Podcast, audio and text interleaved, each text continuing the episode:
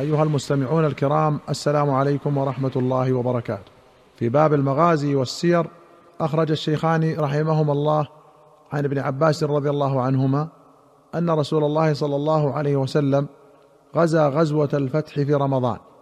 وفي رواية أن النبي صلى الله عليه وسلم خرج في رمضان من المدينة ومعه عشرة آلاف وذلك على رأس ثمان سنين ونصف من مقدمه المدينة فسار بمن معه من المسلمين إلى مكة يصوم ويصومون حتى بلغ الكديد وهو ماء بين عسفان وقديد أفطر وافطروا وللبخاري حتى إذا بلغ الكديد الماء الذي بين قديد وعسفان أفطر فلم يزل مفطرا حتى انسلخ الشهر.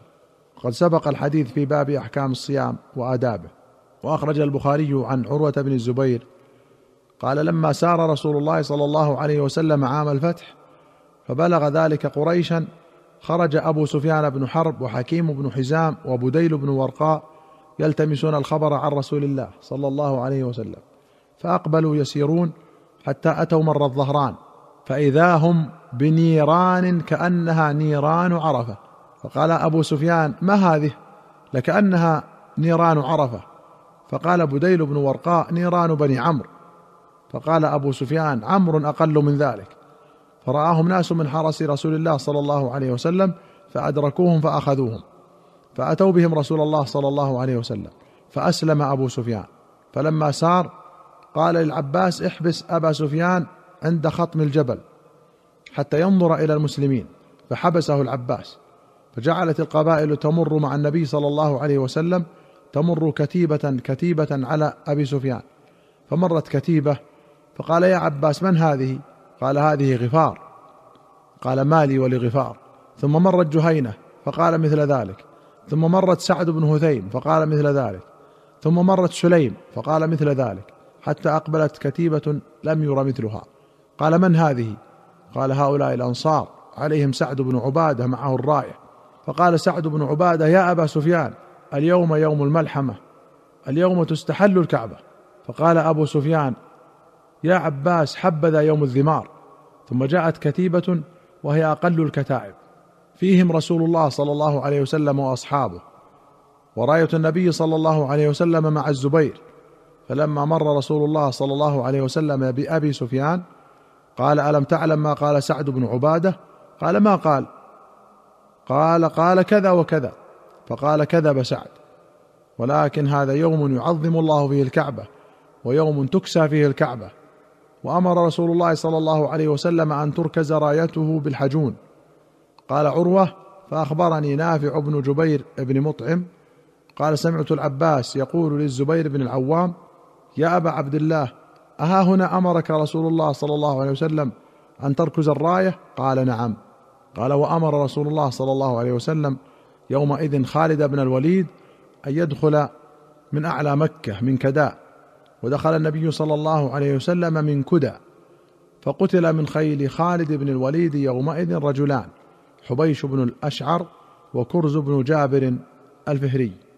قوله عند خطم الجبل روي هكذا وروي عند حطم الخيل أي ازدحام الخيل حيث يحطم بعضها بعضا. وقوله حبذا يوم الذمار أي ما يلزمك حفظه. وقوله أقل الكتائب أي هي أقلها عددا. وقد روي أجل الكتائب.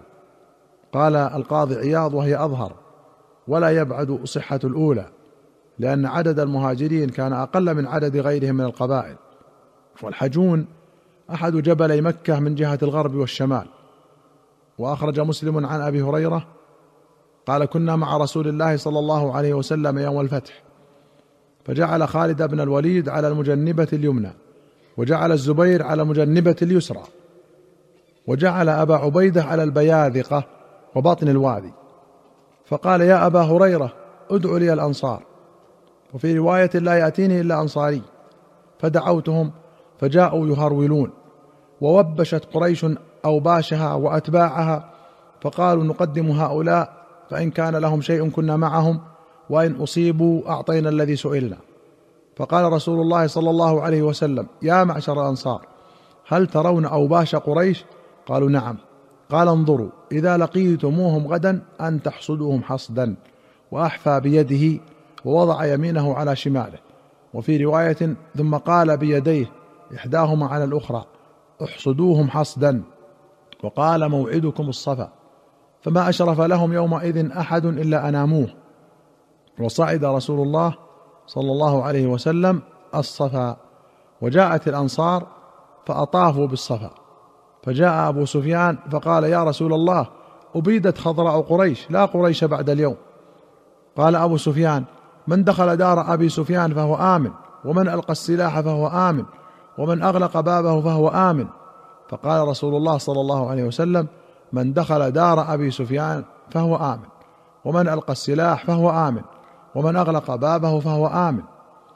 فقالت الأنصار أما الرجل فقد أخذته رأفة بعشيرته ورغبة في قريته وجاء الوحي وكان إذا جاء الوحي لا يخفى علينا فإذا جاء فليس أحد يرفع طرفه إلى رسول الله صلى الله عليه وسلم حتى ينقضي الوحي.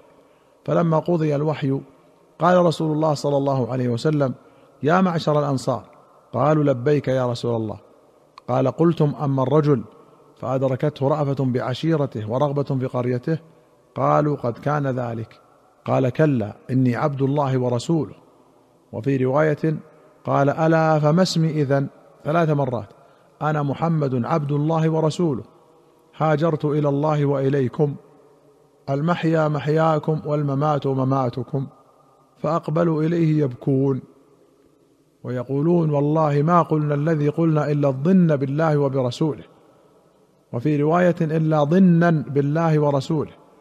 فقال صلى الله عليه وسلم إن الله ورسوله يصدقانكم ويعذرانكم.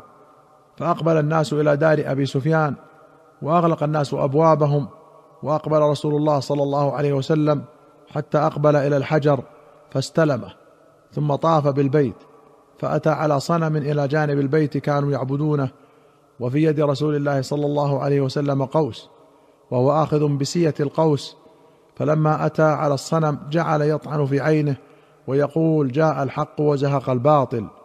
فلما فرغ من طوافه أتى الصفا فعلى عليه حتى نظر إلى البيت ورفع يديه فجعل يحمد الله ويدعو ما شاء أن يدعو. المجنبة هي الكتيبة من الخيل تأخذ جانب الطريق والبياذقه هم الرجالة والأوباش الجموع من قبائل شتى. وقوله أناموه أي قتلوه ومنه سمي السيف منيما.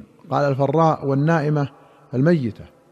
وقولهم ظنا بالله ورسوله أي شحا بك أن تفارقنا ويختص بنا غيره.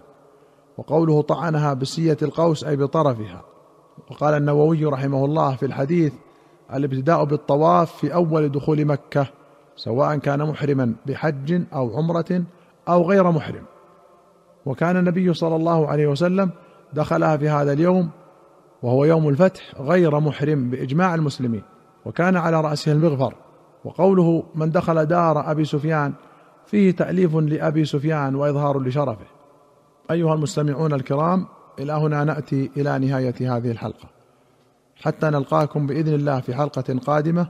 نستودعكم الله والسلام عليكم ورحمة الله وبركاته.